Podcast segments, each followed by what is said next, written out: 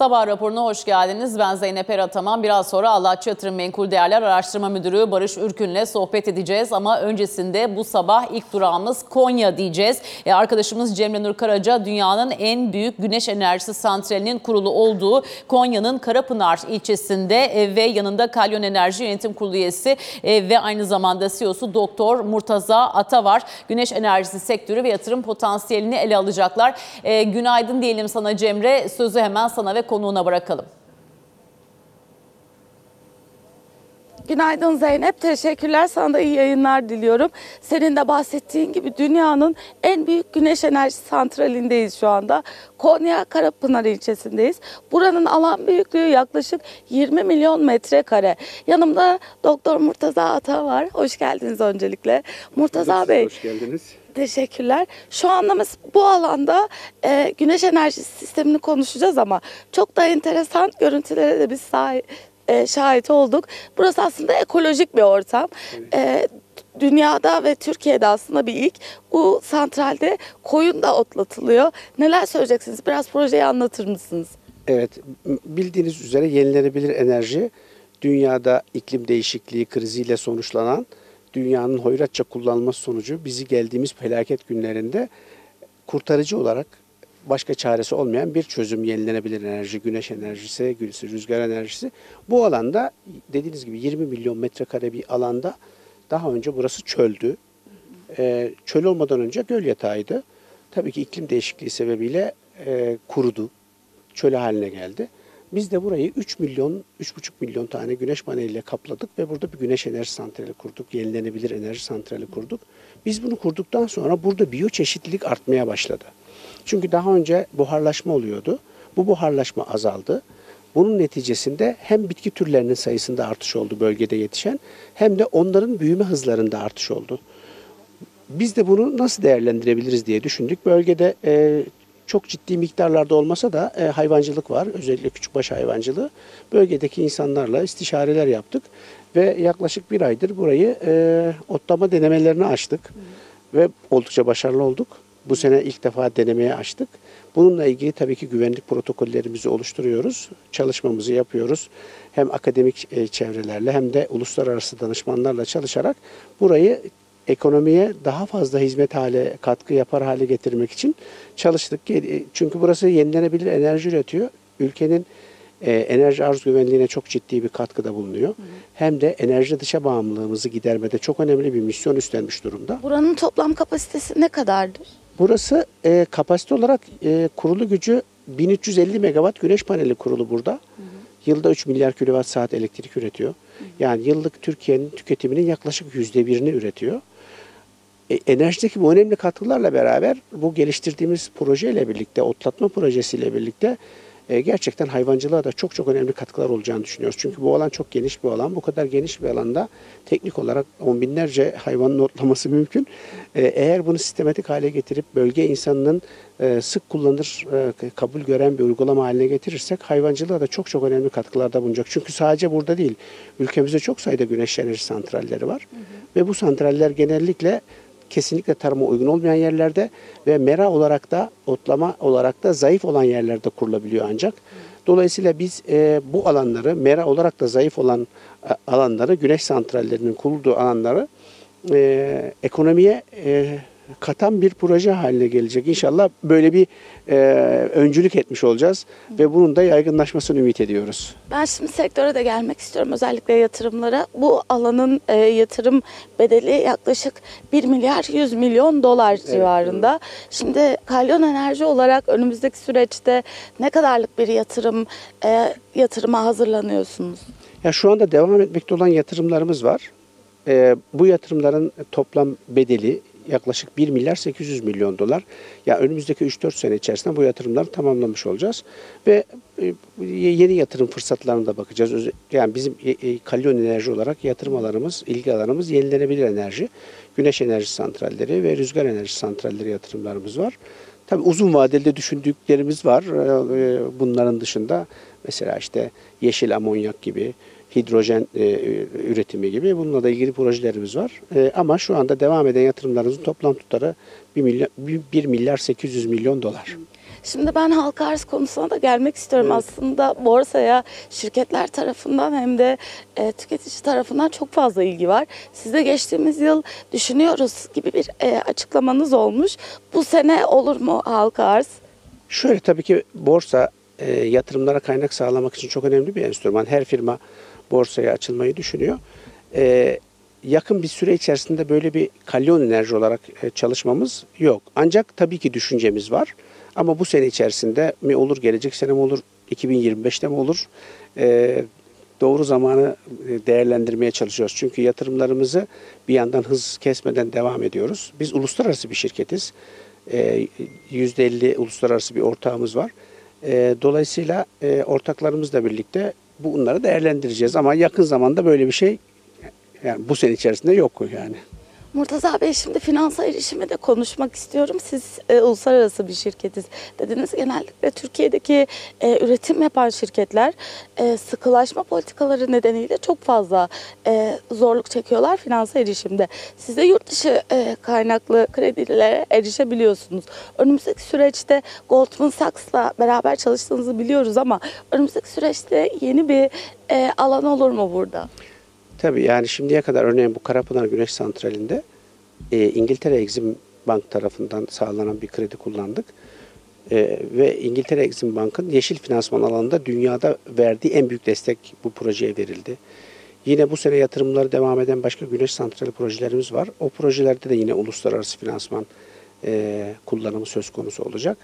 Tabii ki e, uluslararası inanılmaz e, yeşil dönüşüm için çok ciddi yeşil finansman e, kaynakları var. Buna green financing deniyor. Çok büyük kaynaklar. Eğer firmalarımız e, doğru adımlar atarlarsa e, çünkü yeşil enerjinin finansmanı ulusal bir konu değil, uluslararası insanlığın bir konusu. İnsanlık olarak yenilenebilir enerji yatırımlarını artırmadan, fosil yakıtların payını azaltmadan e, bu dünya için bir gelecek yok. Dolayısıyla uluslararası finans çevreleri de bu konuya çok önem veriyorlar.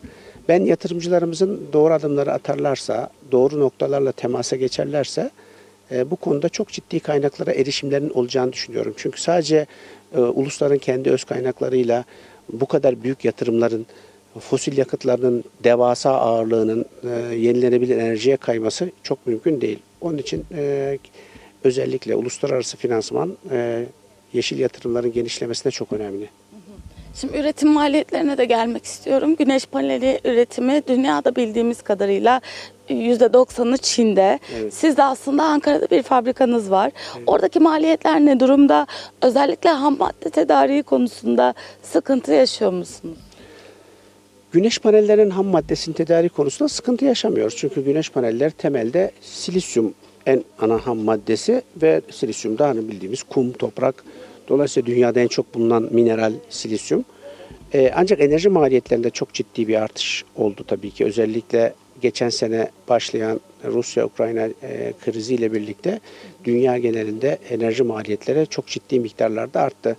Tabii ki Çinli panel üreticiler için böyle bir sorun yok. Ee, Çin hükümeti çok ciddi sübvansiyonlar sağlıyor. Hem enerji girdilerinde hem su girdilerinde hem vergilerde çok ciddi destekler veriyor.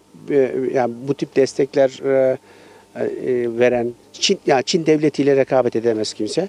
Ama buna rağmen biz e, fabrikamızda Çin dışında e, Çin'e bağımlı olmadan panel üretebilen dünyadaki tek fabrikayız. Çok stratejik bir tesis. Çünkü yeşil dönüşümün ana omurgasını güneş enerjisi oluşturuyor.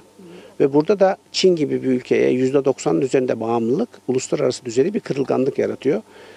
Ülkeler şu anda başta Amerika olmak üzere bunu tersine çevirecek şekilde çok ciddi teşvikler veriyorlar güneş endüstrisi yatırımlarına. Tabi burada nitelikli güneş endüstrisi yatırımlarından bahsediyorum.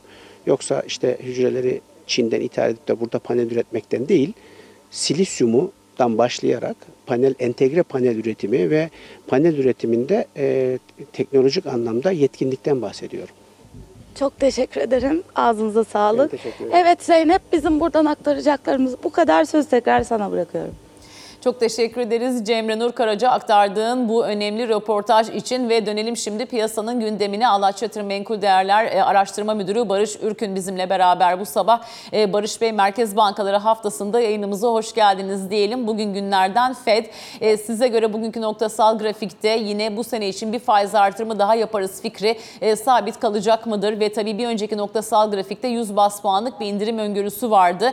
Bu tahmininde yine korunmasını bugün bekler misiniz? Evet, aslında beklentilere baktığımızda e, faiz artırım sürecinin sonuna gelindiğine dair öncelikle e, bir beklentinin güçlü bir şekilde olduğunu görüyoruz. E, bu yıl içerisinde bir e, faiz artırım beklentisinde değişiklik olur mu dersek bence bu soru e, biraz cevaplanması zor bir soru diye düşünüyorum. E, çünkü ekonomik veriler son zamanlarda Amerika'dan e, karışık e, geliyor. E, işte büyüme e, güçlü geliyor. İşte istihdam tarafında bir miktar zayıflama var gibi gözüküyor. E, PMI verilerinden gördüğümüz üzere e, beklentiler büyüme anlamında zayıflama olabileceğini işaret ediyor. E, son zamanlarda petrol fiyatlarında e, ciddi bir yükseliş yaşandı. İşte 94-95 dolarlara kadar çıkan bir Brent petrol fiyatlaması görüyoruz. Tüm bunlara bakıldığında e, enflasyonun hala yüksek kalacağına dair görünümde ortada oluyor görüntü itibariyle baktığımızda. Bunu çekirdek tüfede e, gerileme olarak gördük ama manşet tüfede yükselişin beklenti üzerinde bir hareketin geldiğini gördük. E, işte bu değerlendirme içerisinde bakıldığında e, noktasal grafik içerisinde yani bu yıl içerisinde e, faiz artırım beklentisi e, bence korunabilir gibi geliyor bana. Yani bunu bir ihtiyat amacıyla tutabilirler gibi düşünüyorum ben. Bu bahsettiğim nedenlerden kaynaklı olarak. E, ve aslında bu toplantı faiz artırım yönünde bir karar alınmaması ihtimali oldukça güçlü artık. Yani bakıldığında fiyatlamada demin bahsettiğim yüzde yüzlere kadar geldi neredeyse. E, burada e, daha çok aslında verecek mesajlara odaklanacaktır. Yani Powell'ın e, basın toplantısında söyleyecekleri bence ön planda olacaktır diye tahmin ediyorum. E, büyük ihtimalle de e, Şahin ton korunacaktır. Ve bunu da noktasal grafiklerde de görme ihtimalimizin bulunduğunu düşünüyorum ben açıkçası. Şimdi tabii bir yandan dediğiniz gibi bugünkü toplantıdan zaten bir şey beklenmiyor. Yıl sonuna kadar şu anda 5.33'te olan efektif faiz oranının 5.44 civarında olacağı fiyatlanmış. Dolayısıyla 25 bas puanlık bir faiz artırım ihtimali şu anda %40'larla ölçülüyor diyebiliriz. Böyle bir ortam içerisinde e, faizlerde ciddi yükselişler oldu ama e, onu da konuşmak lazım e, Barış Bey. Borsa dün satıştayken bir yandan tahvil de satıştaydı Amerika'da. E, 5 yıllıkta ve 10 yıllıkta 2007'den bu yana en yüksek seviyelere geldik. E, 2 yıllık Amerikan tahvil faizi de %5'in üzerindeki seyrini e, şu an için e, koruyor. Size göre küresel piyasalar açısından burası bir risk midir? E, Amerika'nın bu kadar yüksek faiz verdiği bir ortamda dolar evine döner mi? Evet, ee, güzel bir soru bu da. Yani e, aslında enflasyon beklentileri hala tam anlamıyla e, geri dönüşü işaret etmediği için e, öncelikle herhalde söylemek lazım bunu. E, faizlerdeki yükseliş açıklayabiliriz. Demin biraz bahsettiğim gibi yani petrol fiyatlarındaki yükselişin e, enflasyon üzerindeki etkisini de bence e, yatırımcı nezdinde değerlendirmek lazım. E, bunun da bir etkisi olduğunu e, söyleyebiliriz. E, diğer taraftan da e, FED bu toplantı faiz arttırmayacak belki ama e, genel beklenti faiz indirimi yönünde mesajda verilmeyeceği yönünde. Yani şu anlama geliyor. E, faiz oranları uzunca bir süre daha yüksek kalmaya devam edecek ve enflasyonu daha da yukarı itebilecek çeşitli işte beklentiler ya da gelişmeler e, her an karşımıza çıkabilir e, bence. Bunun etkisini e, gördüğümüzü düşünüyorum ben. Yani yakın bir vadede faiz indirimi şu anda beklemeyin. Gerektiği takdirde faiz arttırımı yapma eğilimine gidebiliriz. Yine aslında veriye odaklı olacağını söyleyecek olan bir konuşma olur diye düşünüyorum. E, tüm bunların etkisiyle oluştuğunu düşündüğüm tahvil faizlerindeki e, yukarı seyri yani enflasyonda hala tam anlamıyla geri dönüş sinyalinin olmadığı bir fiyatlama faizlerinde uzun süre yüksek kalacağı fiyatlaması şu anda 2007'den bu yana e, tahvil faizlerini yüksek seviyelerde tutmaya yetiyor e, diye düşünüyorum. Yani bugünkü karar sonrasında tam anlamıyla kestiremesem de tahvil faizlerinde çok anlamlı ve çok ciddi bir e, düşüşte olmasını beklemem açıkçası. E, tabii bu e, dolara da bir yansıyor bir taraftan da e, faizlerin yükselişiyle bir tabaksa bakarsak dolar endeksinde 105 seviyesi üzerinde tutunduğunu da görüyoruz. Aslında bu anlattıklarım çerçevesinde dolar endeksinin hareketini de bu şekilde açıklayabiliriz. Bu beklentiler çerçevesinde çok fazla düşüş meydana gelmiyor. E, doların e, Amerika doğru geçişi, e, gidişi bu bağlamda önümüzdeki dönem içerisinde de bence olabilir gibi gözüküyor. Dediğim gibi yani verecek mesajlar, açıklanacak e, ifadeler burada önem arz edecek bence. E, Powell'ın açıklamaları çok ön planda olur diye tahmin ediyorum. E, burada ben benim beklentim e, yine paylaşmak gerekirse de güvercin bir tutum olmayacaktır. E, gerekli takdirde faiz artırımı olacak, veri odaklı olacağız. Bunlar tekrar edilecektir bence. Bu da bence doları güçlü tutmaya da ve faizleri de yukarıda tutmaya da bence yeter gibi gözüküyor bana. Şimdi dolar endeksi grafiğine de baktığımız zaman esasında tedrici de olsa bir yükseliş içerisinde olduğunu görüyoruz ama e, elbette e, mesela geçen sene gördüğümüz seviyelerde henüz değiliz. E, 105'lere yeni attık. Dolayısıyla buradan daha yukarısı var mı? E, merak konusu olmaya devam ediyor. E, keza bugün tahmin açıklayacaklar. İşte 2026 ile ilgili ne düşünüyorlar? İlk defa bugün görme şansımız olacak. E, mesela Avrupa Merkez Bankası toplantısı öncesi büyüme tahminleri aşağı, enflasyon tahminleri yukarı yönlü revize edilir diyen bir piyasa vardı. Ama Amerika tarafına geldiğimizde tam tersi bir beklenti var. İşte resesyon ihtimalleri e, ötelendiği için büyüme ile ilgili beklentiler yukarı, enflasyonda görünümde daha ılımlı olduğu için belki buradaki revizyonlar daha aşağı gelir diyen bir pi- piyasa var. E, olacak mı olmayacak mı? Saat 9'dan sonra biz de yayınlarımızda takip edeceğiz ama böyle bir görünüm pariteyi sizce nasıl etkiler? Altın fiyatını nasıl etkiler? Çünkü az önce bahsettiğiniz tahvil faizleri de e, altın fiyatını bu sabah baskılıyor. Oldukça dar bir bant içinde aslında altında Fed'i bekliyor bugün. Ee, ya evet yani altın aslında bir süredir tam anlamıyla bir yön e, tayini de yapamadı aslında. E, bu da aslında işte bu toplantı için yani FED beklentilerinin de e, biraz hani ileriye dönük olarak verecek mesajların ne olmasıyla alakalı olduğunu düşündüğüm için e, bir fiyatlamanın oluşmadığını e, biraz e, olduğunu düşünüyorum açıkçası. E, yani tabii gelen verilerin e, detayına baktığımızda e, büyüme anlamında işte yumuşak iniş denen o senaryonun e, gerçekleşebileceğine ilişkin bir e, durum ortada gözüküyor. Yani bu da aslında e, geleceğe yönelik olarak da hani Fed'in en azından hani daha fazla hızlı bir faiz artımına girişmeden bekleyerek yüksek faiz ortamında bekleyerek yumuşak iniş senaryosu içerisinde büyümenin devam ettiği, enflasyonun da yavaş yani ılımlı devam ettiği büyümenin diyelim ya da ve enflasyonda buna bağlı olarak yavaş yavaş geri çekildiği bir ortamı ve bu beklentiyi biraz bekliyor gibi gözüküyor. Ee, burada aslında şöyle bir şey düşünmek lazım. Hani ons altından bahsettik. Devam edecek olursak da yani bence gelecekteki beklentilerin fiyatlanması için hem verilecek mesajlar hem de bu mesajların dışında da bir fiyatlamaya girişilebilir diye de düşünüyorum ben. Ee, aslında ons altın için benim beklentim e, biraz daha yukarı yönlü olabileceği hatta yukarı yönlü eğilimin daha fazla ağırlık kazanabileceği yönünde biraz şekillendi son zamanlarda. Aslında bu dolar endeksiyle de birlikte izlememiz gereken bir süreç. Eğer dolar endeksinde bugünkü kararlar ve açıklamalar sonrasında 105'in üzerine hızlı bir hareket oluşmazsa aslında e, şahin bir tutum sergilense dahi e, 2024'e ilişkin faiz indirimi olabileceğine ilişkin beklenti fiyatlamasına doğru başlanabilir diye tahmin ediyorum. Çünkü altın uzunca bir zamandan beri bekliyor. Bu beklentisinde de 1900 doların altına çok fazla iniş göstermedi. E, o yüzden de e, ben faizinin beklentilerinin yavaş yavaş fiyatlamaya başlanacağını, o yüzden de ons altında aslında e, bir süredir devam eden düşüş trendinin şu an direnç seviyelerinde olan yerlerin üzerine çıkabileceğini düşünüyorum ki e, orası da Mayıs ayında gördüğümüz işte 2065 dolar seviyesinden başlayan bir düşüş trendi ve 1932-35 civarında da bu trendin direnç seviyesindeyiz tam olarak şu anda. E, burayı e, bekliyor. Yani burayı geçerse yakın vadede bir 1945-1965 bölgesine doğru bir hızlı bir hareket olabileceğini de düşünüyorum açıkçası bu kararlar neticesinde diye söyleyebilirim. Şimdi e, emtia tarafına geçmişken hazır petrolde konuşalım. Çünkü acaba e, Fed'in bundan sonraki en büyük sınavı 100 dolarlık bir petrol mü olacak diye bugün Wall Street Journal'da kapak sayfasında sorgulamış. E, yılbaşından bu yana baktığımızda Amerikan tipi ham petrol %12,5'un üzerinde Brent petrolde %8,87'lik bir kazanım elde etmiş ve son dönemde özellikle arz açığı beklentileriyle de beraber yön yukarıyı gösterdi. Bugün bir miktar törpülenme var. Tefed öncesi biraz daha temkinli bir seyir olduğu burada ifade ediliyor. Size göre 100 dolarlık bir petrol artık senaryolara konmalı mı? Biz de kendimizi ona göre hazırlayıp hesap kitaba e, girmeli miyiz? Ne dersiniz? Valla açıkçası e, bu konu hakkında benim görüşüm yani petrol fiyatlarında e, son zamanlardaki o hızlı yükselişin işte arz kısıntıları Rusya ile işte Suudi Arabistan'ın yıl sonuna kadar arz kısıntısını devam ettirme kararı işte OPEC'in petrol e, üretim açığının e, işte günlük e, 3 milyon varil civarında olduğunu söylemesi, olacağını söylemesi beklentisi.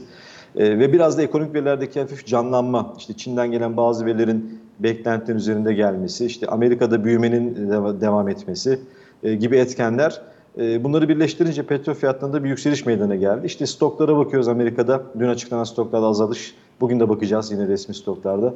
Yani e, son günlerde işte talebin e, arzın talebi karşılayamayabileceği beklentisiyle oluşan bir fiyatlamaya e, girişildi. E, ben ama genel itibariyle baktığımızda yani 100 dolarlar gibi bir seviyenin e, çok yakın bir vadede görüleceğini çok düşünmüyorum açıkçası. E, yani şimdilik hani 2023'ün sonuna kadar en azından bunu o şekilde tahmin edebilirim ben e, ya da kendi beklentim açısından bunu söyleyeyim. E, her ne kadar az önce bahsettiğimiz gibi işte Amerika'da yumuşak iniş senaryosunun gerçekleşme ihtimalinin olduğundan bahsettik. Çin'den gelen bazı verilerde güçlenmeden bahsettik ama genel itibariyle bakıldığında global ekonomik görünümde henüz ciddi bir toparlanmanın da olmadığını da görüyoruz. İşte Avrupa ekonomisi hala e, oldukça zayıf e, bir konumda olmaya devam ediyor. Amerika'da yükselen enflasyon ya da yüksek kalan enflasyonun e, yüksek faiz oranının devam etmesi e, beklentisi devam ederse ve bu görüntü ortaya koyulursa e, bunun da bir etkisini görme ihtimalimiz de var. Ekonomik aktivitenin ciddi anlamda toparlanma eğiliminde olmaması yönünde. E, Çin ekonomisine baktığımızda da işte zaman zaman destekler veriliyor fakat bu desteklerin ne ölçüde büyümeyi tekrardan güçlendirici şekilde olabileceğine ilişkin bir görünüm de şu anda çok fazla belirgin e, gözükmüyor. E, bunlar itibariyle baktığımızda yani petrol fiyatlarında gelinen bu seviyelerde bir direnç noktası olabileceğini ben beklemekteydim ki e, bugün baktığımızda bunun geri çekilmesini görüyoruz. Yani benim beklentim 95 dolar üzerine geçilmediği ve onun üzerinde kalınmadığı sürece e, bu bahsettiğim çerçeve içerisinde petrol fiyatlarında yani 100 dolarların altında bir seyrin e, devam etmesi bence daha muhtemel gibi gözüküyor. Teknik olarak da baktığımızda zaten e, teknik göstergeler aşırı e, alım seviyelerinde e, bulunmaktaydı.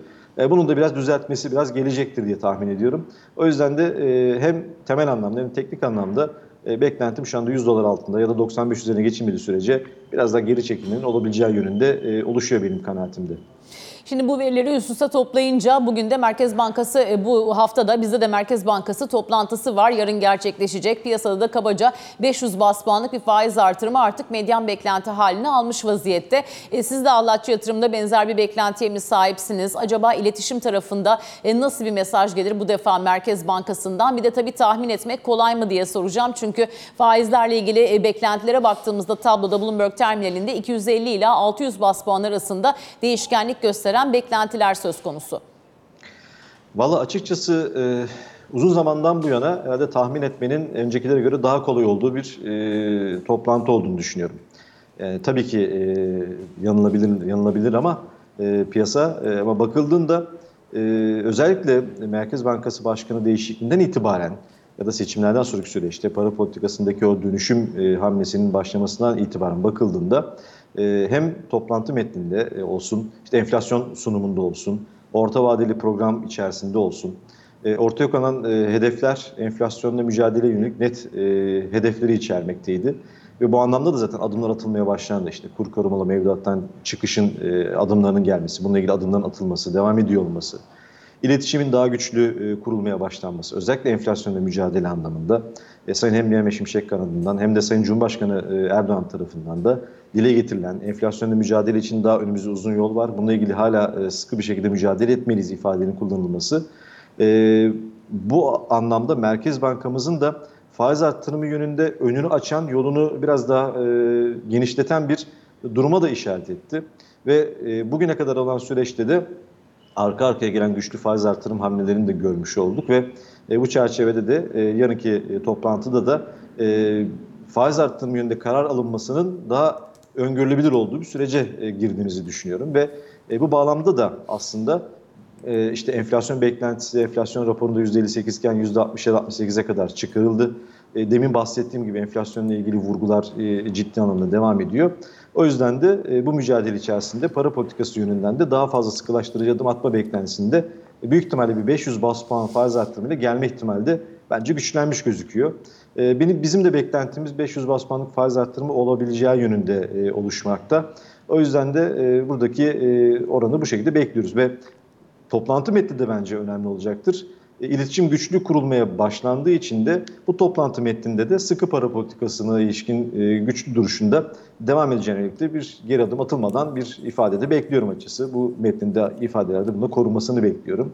E, bu çerçevede biraz değerlendiriyorum ben. Şimdi terminale de baktığımız zaman 21 kurumdan katılım var. Bu kurumların içerisinde MUFG Bank ve Societe Generale %31 ile en yüksek faizi yani 600 bas puanlık bir faiz artırımını beklemişler. En düşük tarafta ise Bank of America, Barclays, Invest AZ, Oxford Economics ve Thrive Investment %27,5 ile 250 bas puanlık faiz artırımı beklentisi içerisindeler. Yine bizim Doktor İnanç Sözer gibi konuklarımızdan 750 bas puanlık faiz artırımı gelebileceğini düşünenler var. Yine Doktor Burak Arzova benzer bir görüş geçen hafta içerisinde ifade etmişti. Dolayısıyla piyasada biraz beklentiler e, dağıldı ama şu bir gerçek ki ortodoks politikalara bir dönüş var. Cumhurbaşkanının bu e, dönüşün arkasında olduğuna işaret eden mesajlar dün de yine Sayın Şimşek yatırımcılarla buluştuğunda ortaya koydu. Şimdi bunları da üst üste toplayacak olursak özellikle Eurobond ihraçlarında bir ivmelenme görüyoruz. Bankaların üzerine iki yıl aradan sonra reel sektörden de bir ihraç e, Arçelik tarafından gerçekleştirildi. Size göre önümüzdeki süreçte bu piyasa biraz daha ısınacak mı ve yatırımcı için cazip fırsatlar sunar mı? Dolar cinsi, euro cinsi, e, şirket tahvilleri ve banka tahvilleri yatırımcı için. e, cazip hale gelebileceğini düşünüyorum ben. E, çünkü e, az önce konuştuklarımız aslında hem e, ileriye dönük olarak işte söz yönlendirme, e, belir, belirsizliğin azaltılması adına atılmış bence önemli adımlar. E, biraz daha işte sis bulutlarının dağılması için de atılmış hamleler olarak değerlendirdiğimizde e, enflasyon beklentinin biraz daha rasyonel bir şekilde ortaya konduğunu da e, gördüğümüzde e, biraz daha içeriye yönelik bakış açısının ve güven ortamının sağlanabilmesi yönünde adımlar olarak bakıldığında o yüzden de daha gerçekçi hamlelerle birlikte faizlerin de şu andaki seviyelerde olmadan daha olması gereken yerlere doğru gittiği de gözlenmekte. Dediğim gibi iletişim güçlü olması, daha şeffaf bir görünümün ortaya konması, güçlü iletişim devam ettirilme ihtimalinin bulunuyor olması da e, ve faizlerin de yukarı seyrinin de şu andaki görüntüyle devam ediyor olması tabii ki tahvilleri daha cazip kılmaya devam edecek. E, ve bu da e, özellikle yurt dışında e, yatırımcıların da tahvilleri olan ilgisini de bence artıracak bir unsur e, diye düşünüyorum. E, şirket tahvillerini belki bir miktar hani dışarıda bırakabilirim ama Eurobond tarafında biraz daha talebin e, bu çerçeve içerisinde gelmeye devam ettiğini görebiliriz diye tahmin ediyorum. E, tahvil faizlerinde gördüğümüz üzere zaten e, işte en son hazinenin ihalesinde %28'lere kadar ulaşan işte bileşik faizleri gördük. E, 10 yıllık faizler, tahvil faizi %24'ün üzerine doğru hareket etmekte. 2 yıllıklar %22'lerde. E, daha yüksek seviyelerde tabii ki daha cazip hale gelecek e, ve yabancı girişlerinde e, tahvil tarafında da bence artmasına olanak sağlayacaktır diye de düşünüyorum ama bu e, anlattığım e, çerçeve içerisinde gerçekleşirse her şeyi diğer elde eklemek lazım. E, son 2-3 dakikamız içerisinde de borsa diyelim isterseniz. Bu çizmiş olduğunuz resmin içerisinde borsayı nereye koyarsınız? Evet yani borsayı koyduğumuz yer aslında şu anda hala değişmedi. Ee, yani dün de zaten hani gelen tepkiyle birlikte bunu şimdilik teyit etmiş gözüküyoruz. Ee, yani hareketli ortalamalarda 50 günlük ortalamalara kadar geldi ve özellikle Mayıs'tan itibaren yaşanan ciddi o yükseliş eğiliminden sonra normal olduğunu düşündüğüm, düşündüğümüz düzeltme hareketleri geldi. Son birkaç gündür yaşanan e, düşüşte önceki günlere göre daha düşük işlem hacimleriyle olan işlemleri de takip ettik, hareketleri izledik. E, bu da bize bir miktar tepkinin artık yaklaşmakta olduğunu göstermekteydi. E, dün itibariyle yani kapanışa yakın gelen alımlarla birlikte yani endeksinde işte 7600'lü e, seviyelerden de bir tepki e, aldığını görüyoruz. Şimdi tabii demin bahsettiğim gelişmeler üzerinden gidecek olursak e, önümüzdeki günlerde risk iştahı üzerinde de olumlu etkileri olabilecek düzeyde bence. E, yerli yatırımcının da e, devam eden ilgisi var ve yabancı yatırımcının da e, kurulan bu iletişim işte yurt dışında yapılan geziler, burada yabancı yatırımcılarla yapılan görüşmeler, işte kredi derecelendirme kuruluşlarından gelen raporlar, beklentiler yine e, hepsi birlikte bakılırsa önümüzdeki günler içerisinde hem enflasyon beklentisi yurt dışı yatırımcı anlamında e, hem de yabancı yatırımcının da bize bakış açısının değişme ihtimalinin bulunması nedeniyle endeksin yönünün tekrardan yukarı olabileceğini düşünüyorum ki trend demin başta söylediğim gibi şu anda korunmaya devam ediyor. Onun altına iniş yaşamadık hala. O yüzden de yani kısa vadede bir 7800 üzerine geçiş ya da 7900 orası bir hareketli ortalama seviyesi benim izlediğim. Orası geçildikten sonra tekrardan bir 8400'e doğru bir hedef izlenebilir ve orası geçildikten sonra da bence e, yıl sonuna kadar e, 9000-10000 bandına doğru bir hareketinde geldiğini görebileceğimizi ben açıkçası düşünmeyi sürdürüyorum hala. Ağlaç Yatırım Menkul Değerler Araştırma Müdürü Barış Ürkün çok teşekkür ederiz bu sabah bize ayırdığınız değerli vaktiniz için. E, ve dönüyoruz efendim kısa bir reklam arasına ardından siyasetin gündemini de Bloomberg KT Genel Müdürü Alican Türkoğlu ile ele alacağız. Bizde kalın.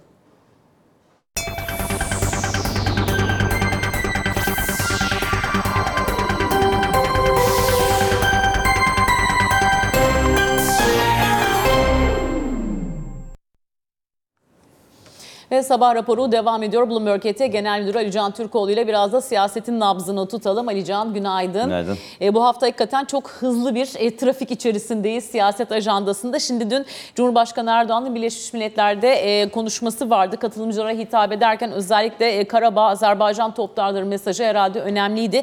Üstüne bir de Azerbaycan'dan anladığımız kadarıyla Karabağ'da bir e, terör saldırılarına karşı olabilecek nitelikte e, operasyon geldiğini de e, takip etmiş olduk. İstersen buradan başlayalım. Hem Cumhurbaşkanı açıklamaları hem de Azerbaycan'daki son durumu ele alalım. Tabii genel hatlarıyla şimdi Erdoğan'ın e, BM'deki konuşması aslında beklenen başlıklar, verilecek mesajlar önemliydi. İşte tahıl anlaşması ile ilgili olarak Türkiye'nin temaslarının sürdüğü ve bunun Türkiye'nin girişimiyle zaten üç kez uzatıldığı, Güvenlik Konseyi'nin konseptinin değişmesi gerektiği, sadece beş ülkenin siyasi stratejilerinin çarpışma alanı haline geldiği, Türkiye'nin Avrupa Birliği'nden beklentileri olduğunu, özellikle bu ikircikli tavırın e, son bulması gerektiği ve Türkiye'ye karşı yükümlülüklerini yerine getirmesi gerektiği yönündeki beklenti.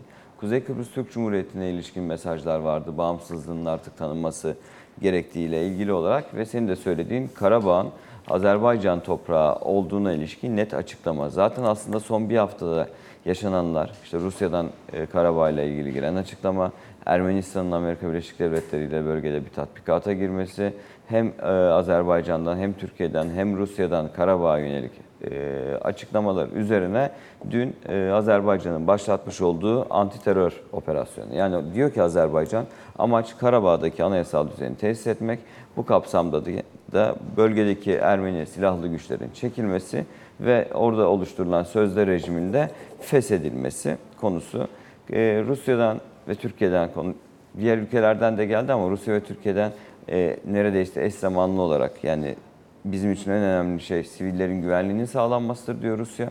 Türkiye zaten Cumhurbaşkanı'nın da Birleşmiş Milletler'de söylediği gibi dışişleri üzerinden yapmış olduğu bir açıklama var. Azerbaycan kendi egemen toprakları üzerinde gerekli gördüğü te- tedbirleri almak durumunda kalmıştır diyerek bu operasyona destek verdiğine yönelik açıklaması. Burada Paşinyan'ın ne yaptığı ne dediği önemliydi. E, farklı kaynaklardan darbe çağrıları yapıldığını, Ermenistan'ın kesinlikle çatışmaya girmeyeceğini vurgulayan açıklamaları oldu. Dolayısıyla gün içerisinde daha yeni gelişmeler olacaktır ama e, Karabağ'ın Azerbaycan'ın toprağı olarak tam olarak toprağı olduğunun gösterilmesi açısından süren ve sürecek bir operasyon muhtemelen bugün tamamlanacaktır. Çünkü harekatın ana hedeflerinin neredeyse gerçekleştiği söylendi Bakü tarafından da.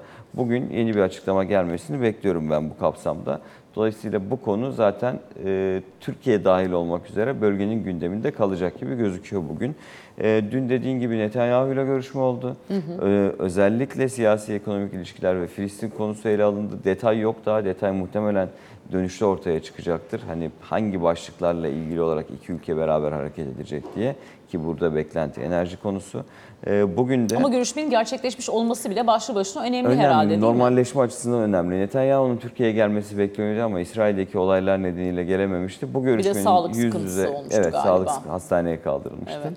Bu görüşmenin yüz yüze Amerika'da gerçekleşmiş olması önemli. Bir muhtemelen dönüşte devamına yönelik şu şu şu adımlar atılacaktır gibi bir mesaj da gelecektir diye tahmin ediyorum ben bu hafta içerisinde muhtemelen Cumhurbaşkanı'nın dönüşünde. Ee, İtalya Başbakanı ile de görüşme oldu dün. Bugün de görüşmeler var yine. Bugünkü kritik görüşmede Mitsotakis Mitsotakis. görüşmesi. Bir normalleşme de burada olur Evet mu? bir normalleşme de zaten hani bu tekrarlıyorum aslında Yunanistan konusu gündeme geldiğinde bir pozitif gündem arayışı var. Bu söylemi zaten hem Yunanistan tarafı hem Türkiye tarafı kullanıyor. Yani evet masada anlaşılamayan ve belki yakın bir zamanda da anlaşılamayacak başlıklar olabilir. Ama bu konularla ilgili niye anlaşamadığımızı da gelin masada konuşalım. Ve ortada eğer anlaştığımız konular varsa da onları ön plana çıkaralım. Pozitif gündemden kastım bu. O yüzden bugünkü e, Mitsotakis ile yapılacak görüşmeden de ben oldukça olumlu mesajların kamuoyuna verilmesini bekliyorum ben. Türkiye ile Yunanistan'ın e, şu anda özellikle seçimden sonra iki taraftan da verilen mesajlar doğrultusunda e, oldukça olumlu bir noktaya ilerlediği ve komşuluk ilişkilerini ilerletmek için de e, bu sürecin devam ettirileceği yönünde kurmaylara talimat verildiği benzeri bir açıklama yapılmasını bekliyorum ben görüşme sonrasında. Şimdi dünkü görüşmelerde bu arada Bakan Şimşek'in önemli temasları oldu. Hem enflasyonun bir numaralı öncelik olduğu hem de Cumhurbaşkanı Erdoğan desteklerini arkalarına aldığına işaret ederek aslında bir miktar yabancı güveninin kazanılması yönünde e, ifadeleri oldu. E, Bununla beraber e, Bakan Bolat'ın da ikili ticarette e, 100 milyar dolar hedefini hatırlatmış olması önemli herhalde. Şimdi evet yani yatırımcılara yönelik sunumlar da yapıldı. İşte sabah dün için Goldman Sachs'ta konuşması vardı. Sonra bir yuvarlak masa toplantısı yapıldı.